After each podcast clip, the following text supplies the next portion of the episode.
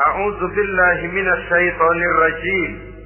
يا أيها الناس اتقوا ربكم الذي خلقكم من نفس واحدة وخلق منها زوجها وبث منهما رجالا كثيرا ونساء. Wahai manusia, bertakwalah kamu kepada Tuhanmu yang telah menciptakan kamu dari diri yang satu, kemudian diciptakan dari diri yang satu itu pasangannya, dan dari keduanya berkembang biaklah manusia menjadi bersuku-suku dan berbangsa-bangsa. Pada contoh lain, dari proses pembentukan jasmania makhluk manusia dalam rahim ini, Al-Baqarah 223 menjelaskan bahwa seorang laki-laki adalah seperti petani, seorang perempuan adalah seperti ladang. Petani adalah yang mencangkul sawah, menebarkan benih, sementara ladang adalah tempat bersemayam benih-benih itu, tempat dia tumbuh dan berkembang membawa manfaat bagi kehidupan ini. Dengan bahasa yang indah Quran mengatakan, Nisa'ukum harsul lakum, fa'tu harsakum anna syi'tum. Istri-istrimu adalah laksana sawah ladang bagimu. Maka cangkulah, datangilah sawah ladangmu menurut cara yang kamu suka. Saudara-saudara kaum muslimin rahimakumullah. Belakangan ini orang sering membicarakan pendidikan seks bagi anak-anak. Menurut pendapat saya, walaupun itu diperlukan, tapi tidak harus dilakukan secara menggebu dan masih banyak hal-hal mendesak lainnya yang lebih perlu dibicarakan ketimbang bagaimana memberikan pendidikan seks kepada anak-anak kecil. Barangkali yang memerlukan yang sering bertanya tentang seks cuma terbatas kepada anak-anak kecil di kota-kota besar yang oleh perkembangan teknologi dan komunikasi daya pikirnya memang sudah sedemikian maju. Tapi berapa ribu jumlah anak-anak kecil yang semacam itu?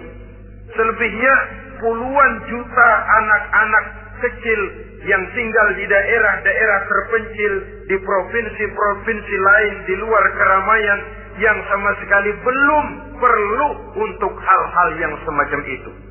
Haruskah cuma untuk membela yang seribu atau dua ribu orang ini saja, lalu kita mengabaikan yang puluhan juta adanya? Kita masih harus membicarakan bagaimana kurikulum pendidikan yang mapan.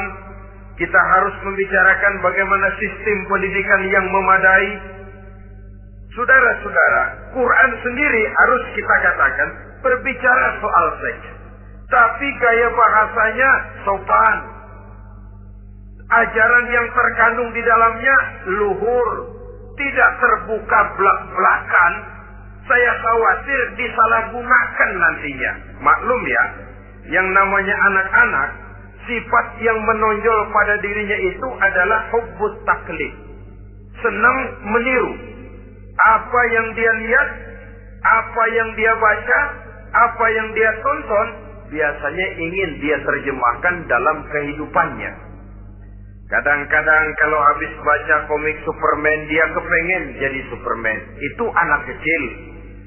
Habis baca buku si buta dari gua hantu misalnya. Pengen jadi si buta dari gua hantu. Nyari kayu bikin tongkat. Biasa itu watak yang namanya hubut taklid. Sekarang kalau kepada anak-anak semacam itu sudah diberikan pendidikan seks, saya khawatir kadang-kadang tidak dididik saja sudah lancar kok. Apalagi kalau sampai dilakukan pendidikan khawatir disalahgunakan.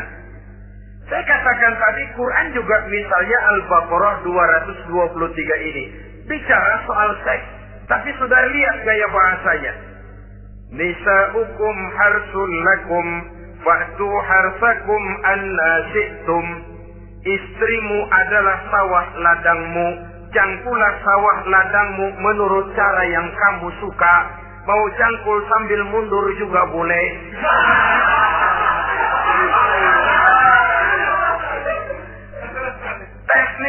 cangkul terserah kita, asal yang dicangkul sawah ladang sendiri. Jangan sawah ladang orang lain dipaculin marah yang punya.